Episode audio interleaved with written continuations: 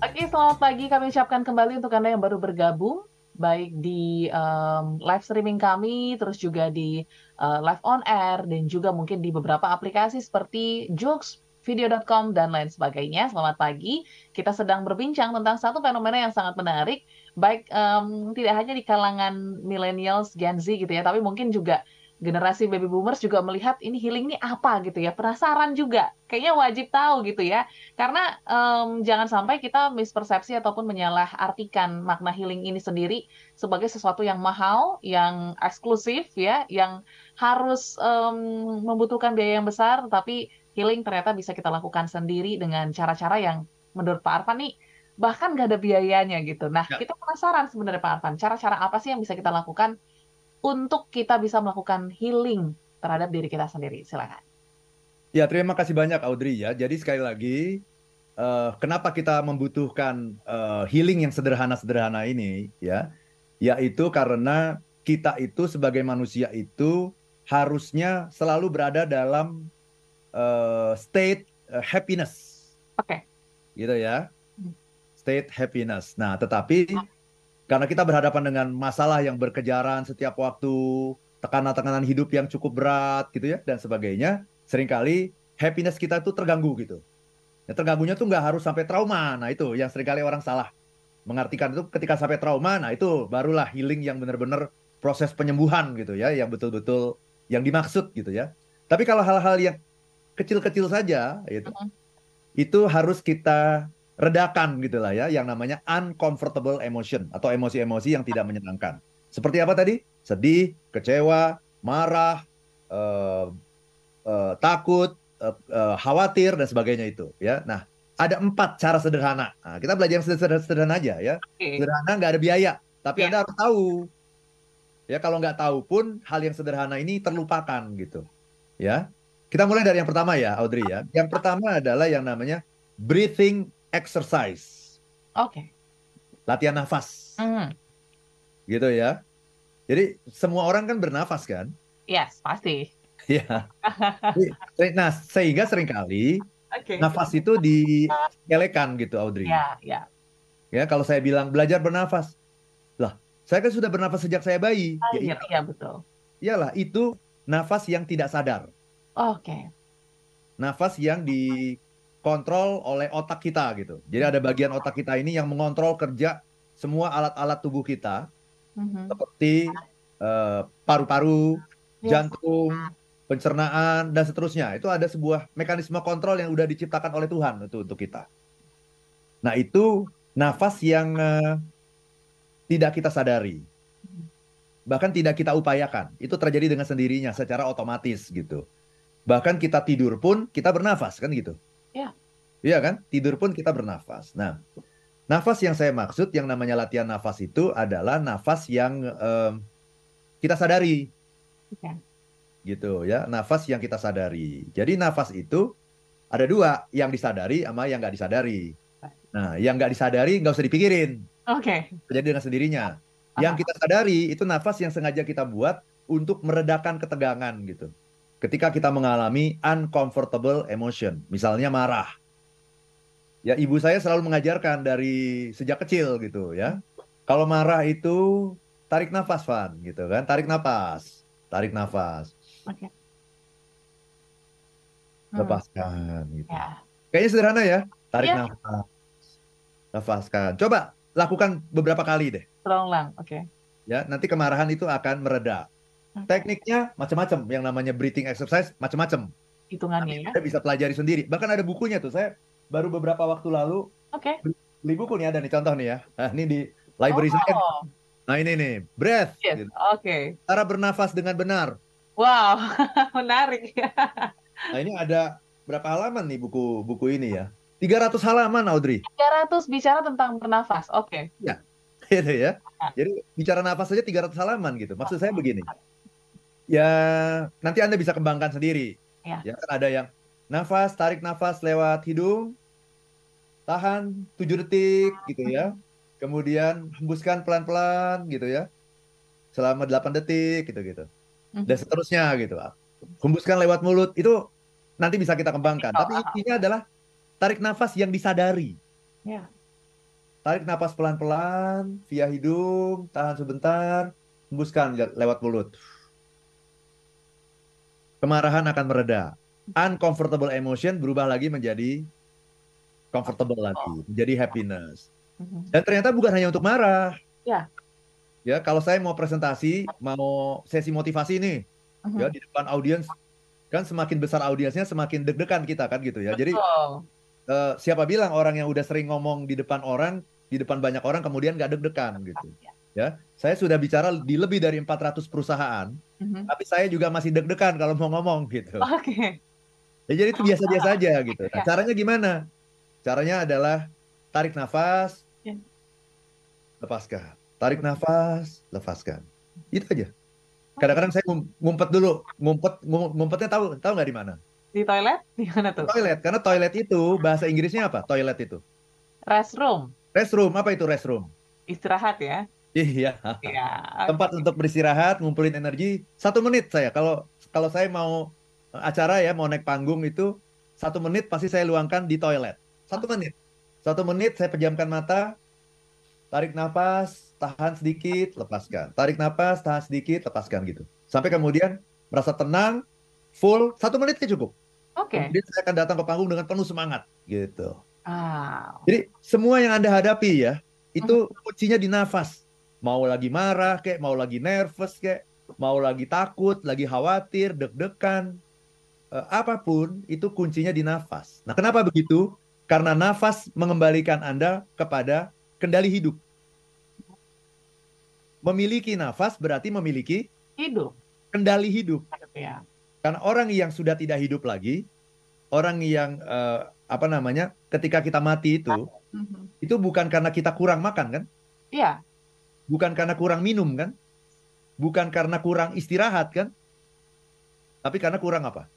Kurang nafas ya, nggak ada nafas. lagi nafasnya. Betul. Iya, iya. Jadi nafas itu kunci adalah nafas. Jadi saya baru baru ingat, iya ibu saya udah dari 30 tahun, 40 tahun yang lalu udah ngomong gitu. Mm-hmm. Gitu ya. Nafas, Van. Kalau ada lagi marah, ayo tarik nafas dulu, ayo tenang-tenang, ayo tarik nafas. Nah, itu kan sebetulnya secara naluriah saja kan, seorang ibu secara na naluriah dan pengalaman praktis ya, seperti itu. Tetapi sebetulnya itu ada teorinya gitu. Bahkan saya kasih lihat ini, ini ada bukunya bahkan mengenai breath gitu ya. Hmm. Cara bernafas dengan benar. Ada 300 halaman yang harus kita baca ini. Kalau kita ingin uh, mencari eh, cara-cara uh, yang uh, kreatif gitu ya, yang berbeda untuk mengelola yang namanya nafas. Itu yang pertama, Audrey. Oke, sebelum kita lanjut lagi, kita baca dulu beberapa respon mungkin ya Pak Arfan ya. Um, kita ke YouTube ada sapaan dari Pak Kuku Kusrilo yang selalu rajin. Selamat pagi Pak Kuku. Uh, semangat pagi, be happy now Pak Arfan dan juga Kak Audrey. Selanjutnya lagi ada dari Pak Alex Andaro.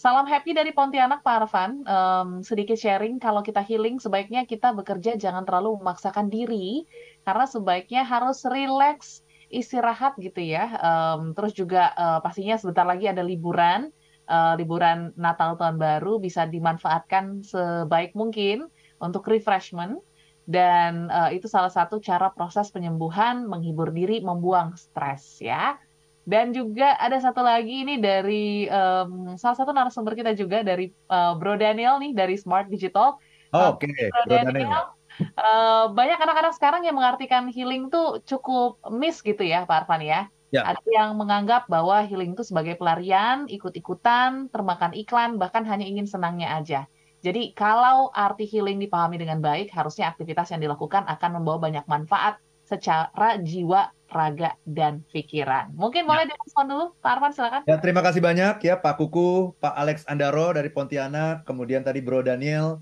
Betul sekali ya, jadi eh, kita memang membutuhkan keseimbangan, intinya sih itu. Oke. Okay. Yang namanya mental health itu apa sih? Mental health adalah intinya manusia itu perlu balance, perlu keseimbangan dan itulah yang kita katakan sebagai happiness. Ya. Nah, ingin saya, saya sampaikan di sini garis bawahnya adalah jangan nunggu Natal dulu. Mm. Terlalu itu kita. Yes. Ya, masih dua bulan lagi Natal itu. Oh. Ya. Healing itu, self healing yang sederhana ini bisa kita lakukan setiap waktu, setiap saat. Jadi kita itu yang namanya orang yang punya mental health itu adalah orang yang peka terhadap dirinya. Jadi selalu motonya masih moto zaman dulu. Kenali dirimu. Okay. Kenali dirimu, kenali perasaanmu. begitu ada perasaan yang uh, tidak uh, menyenangkan, gitu ya, itu adalah sebuah sinyal dari alam semesta bahwa kamu harus menyeimbangkan uh, kondisimu lagi. Kamu harus mengembalikan state-mu kepada yang namanya happiness gitu. Nah, itulah yang kita lakukan tadi pertama dengan menarik nafas. Okay. Gitu. Mau langsung yang kedua? Boleh, silakan Boleh. untuk dua menit terakhir di ya, dua menit terakhir ya. Ini karena waktu kita ini sempit banget ya, tahu-tahu udah jam 8. Oke. Okay. yang kedua nih, teman-teman. Okay. Sebuah cara yang sederhana itu yang jarang dilakukan oleh orang Indonesia. Tahu nggak apa? Oh, apa tuh, Pak Arfan? Menulis. Menulis journaling ya. Iya. Ya, ya, ya, oke. Okay. Orang Indonesia itu lebih sering uh, ini ngomong gitu. Kalau mengalami yeah. yang tidak menyenangkan tuh ngomong. Yeah. Tapi kalau ngomong kan kita harus cari teman dulu kan? Betul. Ya kan? Udah cari teman juga belum tentu teman itu kita percaya gitu. Iya. Kita percaya dalam pengertian ini bocor kan nanti nih. Kalau iya. saya cerita sama kamu nih bocor apa enggak nih nanti nih? Gitu kan? Tahu-tahu dia cerita ke orang lain, nah kan kacau itu. Jadi yang paling aman kan kita menyelesaikan masalah dengan diri kita sendiri hmm gitu. Nah, syukur-syukur kalau Anda punya teman yang bisa okay. diajak ngobrol, bisa diajak curhat dan curcol. Itu syukur-syukur. Tapi kalau enggak, selesaikan sendiri. Caranya gimana? Menulis. Mm-hmm. Apa itu menulis? Nah, ini sebenarnya kebiasaan kita zaman dulu yang sekarang ini udah agak ber... Bentar ya. Bentar ya. Kenapa? yeah. Karena uh, kemajuan teknologi. Teknologi, betul. Apa itu? Nulis buku harian.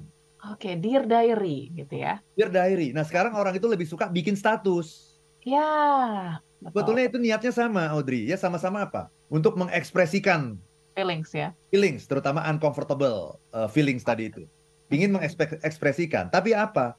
Kalau Anda, bedanya adalah kalau Anda nulis buku harian, itu nggak ada orang yang tahu. Mm-hmm. Jadi privacy terjaga gitu.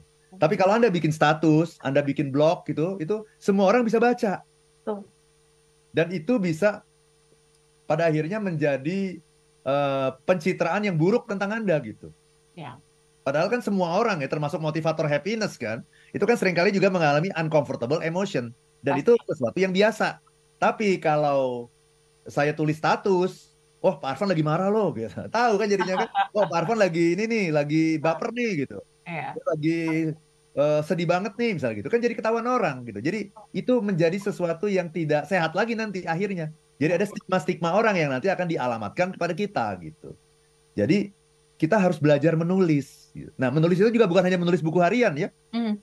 Menulis apa pun yang kita rasakan itu menjadi sebuah sarana penyembuhan loh, Audrey. Oke. Okay. Jadi gini, kalau saya lagi marah nih ya, apa yang saya lakukan? Saya ambil kertas. Oke. Okay. Ambil kertas, saya tulis. Marah karena ini, ini, ini. Mungkin kata-kata saya yang ada di kepala saya pun saya saya tulis nih. juga. Nah, kamu keterlaluan gitu ya, kamu begini, kamu begitu, gitu. Nah dengan menulis itu, sesungguhnya kita sudah menjernihkan pikiran kita. Ya. Karena ketika kita mengalami uncomfortable emotion, pikiran kita itu kusut, pikiran kita itu nggak jelas. Ya keluarnya itu uh, seperti puzzle-puzzle gitu, tidak merupakan sebuah kesatuan yang utuh. Tapi coba kalau kita tulis gitu, kita tulis tuh marah, sedih, kecewa, deg-degan apa semuanya tulis. Nanti akan ketemu tuh dialog batin kita tuh kita tulis. Nanti akan ketemu gitu. Oh, rasanya lega dan kemudian kita jadi dapat sebuah perspektif baru bahwa eh ternyata masalahnya nggak sesusah itu. itu ya. Ternyata masalahnya lebih berat di pikiran daripada masalah yang sesungguhnya. Okay. Itu Audrey. Oke, jadi tips yang kedua small listeners menulis gitu ya, nggak perlu repot-repot pakai buku yang bagus ataupun mungkin diary yang bagus di kertas kosong juga apa-apa, yang penting tumpah dulu perasaan ataupun uh, apa yang anda pikirkan. Nanti kita akan lanjut lagi untuk yang tips yang ketiga dan juga yep. yang berikutnya yang keempat gitu ya. Uh, begitu juga mungkin ada informasi nih dari kelas-kelas Pak Arfan yang akan datang di mungkin minggu depan ataupun bulan depan. Kita tunggu setelah yang satu ini tetaplah bersama kami dalam Smart Happiness. Kita masuk ke sesi terakhir Smart Listeners dalam Smart Happiness membahas tentang healing. Tapi sebelum kita lanjut ke tips ketiga dan keempat, uh, rasa-rasanya harus ada informasi ini gitu ya yang kita share ke Smart Listeners Pak Arfan. Monggo di-share silakan. Sidi unmute Pak Arfan. Ya, terima kasih banyak Audrey. Um, bagi teman-teman yang ingin menciptakan lingkungan kerja yang positif ya, uh, yang uh, optimis, semangat, antusias, kemudian saling asih saling asah, saling asuh ya gitu ya. Jadi menciptakan happiness at work ya. Uh, anda bisa langsung undang saya saja ya ke tempat Anda supaya saya bisa langsung ngobrol dengan atasan Anda langsung, leader-leader Anda dengan teman-teman Anda gitu ya. Dan ini sudah kita lakukan uh, cukup lama ya selama 19 tahun terakhir di lebih dari 400 perusahaan ya yang ingin menjadi uh, tempat kerja yang membahagiakan gitu, yang membuat orang-orang itu semangat, optimis, antusias. Silakan undang saya ke 0812 12345 949.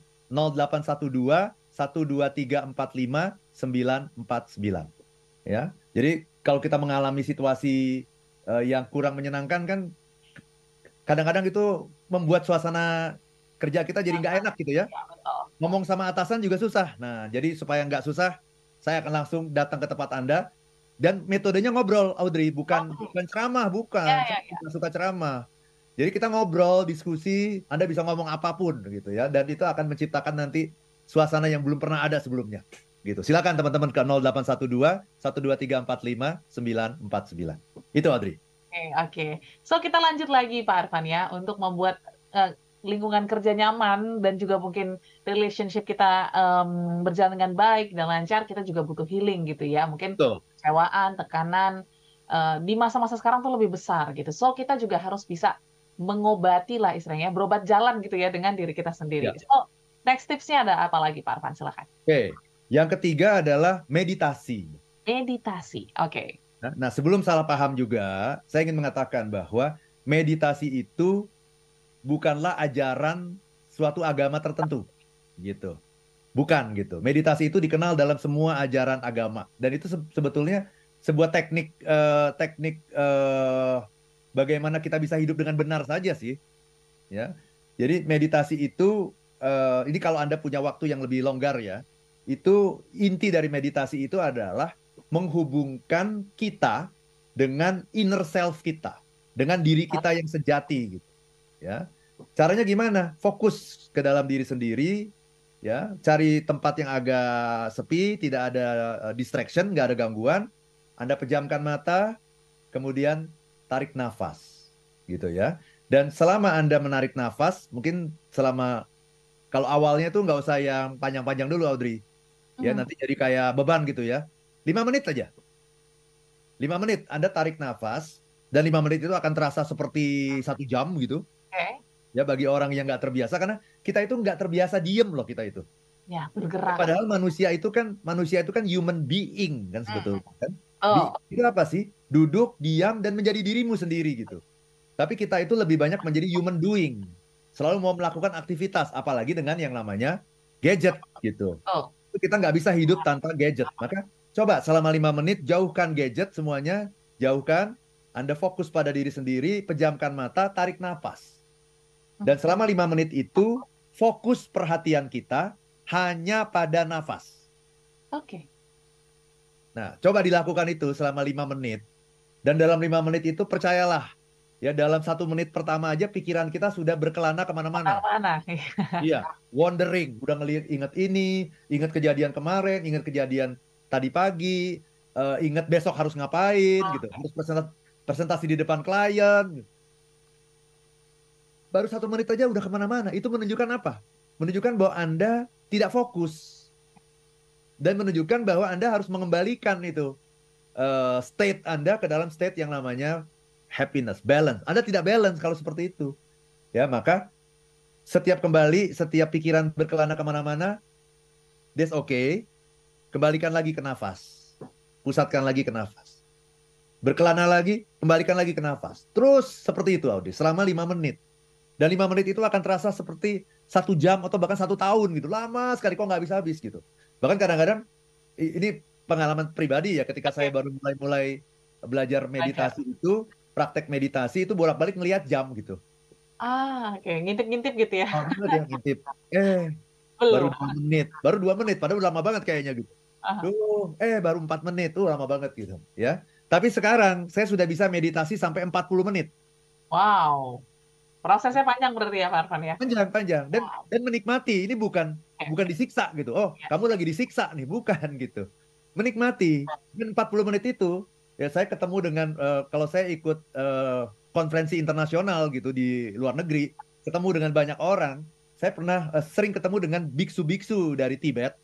Salah satunya adalah yang sangat ter terkenal itu Matthew Richard yang menjadi penasehatnya uh, translatornya Dalai Lama itu saya pernah ketemu ngobrol sama dia saya, saya tanya Matthew uh, kamu kalau sehari uh, berapa berapa menit uh, meditasi tahu nggak jawabannya berapa satu jam dua jam empat jam wah jadi Oke. Okay. 40 menit itu kalau saya bisa 40 menit itu nggak ada apa-apanya gitu dibanding sama ya, ya. Nggak ada apa-apanya gitu. Dan Matthew Richard itu itu digelari nih, digelari sebagai the happiest man on earth. Wow. Orang yang paling bahagia di dunia ya gitu. Oke. Okay. Itu gelarnya begitu tuh kalau di dunia di dunia happiness itu ada namanya Matthew Richard, orang Prancis, orang Prancis tapi kemudian dia uh, tertarik dengan dunia ketimuran dengan meditasi dan sebagainya. Akhirnya dia pergi ke uh, Tibet dan menjadi muridnya Dalai Lama. Nah itu. Oke, okay, oke. Okay. itu yang ketiga ya, meditasi. Yes, yang terakhir nah. mungkin Pak Arfan. Ya, ini waktu kita sempit oh. sekali. ya, padahal ini menarik nih. Mungkin nanti satu ketika kita akan bahas spesial dalam, ya? yang terakhir. Oke. Okay. Yang terakhir ini namanya adalah self talk. Self talk, oke. Okay. Self talk itu apa coba? Bicara sama diri sendiri? Iya, iya. Jadi kita harus menyadari oh, bahwa diri kita itu ada dua. Hmm. Ada, ada si Arfan satu, ada Arfan dua. Selalu begitu. Ada Audrey satu, ada Audrey dua. Dan si Arfan dan Arfan ini, si Audrey dan Audrey ini selalu ngobrol setiap hari, setiap waktu, setiap saat, bahkan setiap detik dia ngobrol. Ngobrol terus. Itulah yang kita sebut istilah istilah awamnya itu uh, membatin gitu ya. Hmm. Ngomong sama diri sendiri. Nomor satu, sadarilah bahwa itu terjadi dalam diri kita, dalam diri setiap orang. Kita ngomong sama diri sendiri. Dan yang membuat kita uh, sedih, kecewa, baper, marah adalah karena percakapan antara kita dengan kita, antara Audrey dengan Audrey itu bukan percakapan yang uh, sehat gitu. Banyak uh, toksik-toksiknya, banyak uh, diksi-diksi yang negatif dan sebagainya gitu. Jadi bukan percakapan yang sehat gitu. Jadi kita harus harus menyadari itu. Oh, kalau kita sadar bahkan kita harus mengatakan pada diri sendiri ketika kita khawatir nih misalnya ya, Audrey diminta untuk membawakan acara uh, yang di depan orang banyak itu audiensnya uh, ratusan gitu. Wah, gimana nih aku di depan panggung nih sekarang nih ya. Biasanya cuma duduk di studio kan lebih enak ya, adem dan iya. sebagainya ya. Cuma ngobrol begini kan lebih nyaman. Wah, gimana nih? Self talk, self talk. Udah deg-degan kan? Self talk. Ya, katakan sama Audrey yang satu lagi itu. Audrey, kamu pasti bisa. Kamu itu orang hebat. Kamu udah bawain talkshow yang keren di Smart Happiness. Gitu ya. Kamu udah udah satu tahun ngebawain Smart Happiness. Ini biasa-biasa aja Audrey. Gitu. Kamu oh. pasti bisa. Ngomong sama diri sendiri. Ya. Kamu orang hebat gitu ya. Atau kalau misalnya ada orang yang mencela kita misalnya gitu ya. Yes. Ada orang yang mencela kita yang uh, apa namanya? Uh, apa? Remehkan? Remehkan gitu ya. ya. Kita bilang, mereka belum tahu saya. Okay. Gitu. Tunggu uh, aja gitu ya. Audrey, gitu. jadi ngomong itu dengan dengan manggil nama sendiri, manggil nama gitu. Jadi kalau saya manggil nama Arfan gitu, Arfan, kamu itu nggak seperti yang mereka katakan. Audrey, kamu itu lebih hebat dari yang mereka katakan, gitu. Audrey, buktikan kalau kamu bisa. Jadi Audrey menggunakan kata Audrey-nya itu di, disebut. Dri, kamu pasti bisa, Dri. Fan, kamu pasti, pasti bisa, Fan, gitu.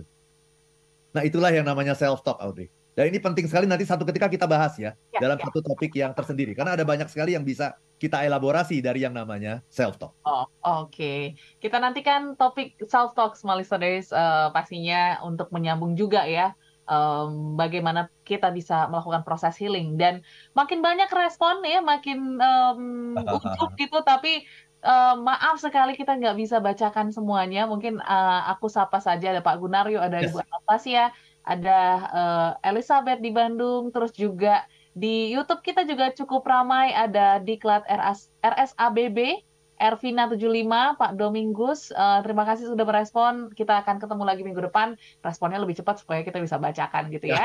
Dan yang pasti Pak Arfan, thank you ya, uh, sama-sama hari ini. Dan small listeners juga semoga kita bisa melakukan empat tips yang sangat simpel yang mungkin bisa kita lakukan sekarang gitu ya uh, mungkin Anda lagi di mobil gitu bisa lakukan salah satunya uh, sehingga kita juga bisa menjalani kehidupan kita dengan lebih waras dan lebih sehat secara mental.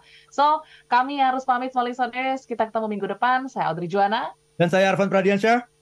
If you know be happy, be happy, be happy now. now. Sampai jumpa.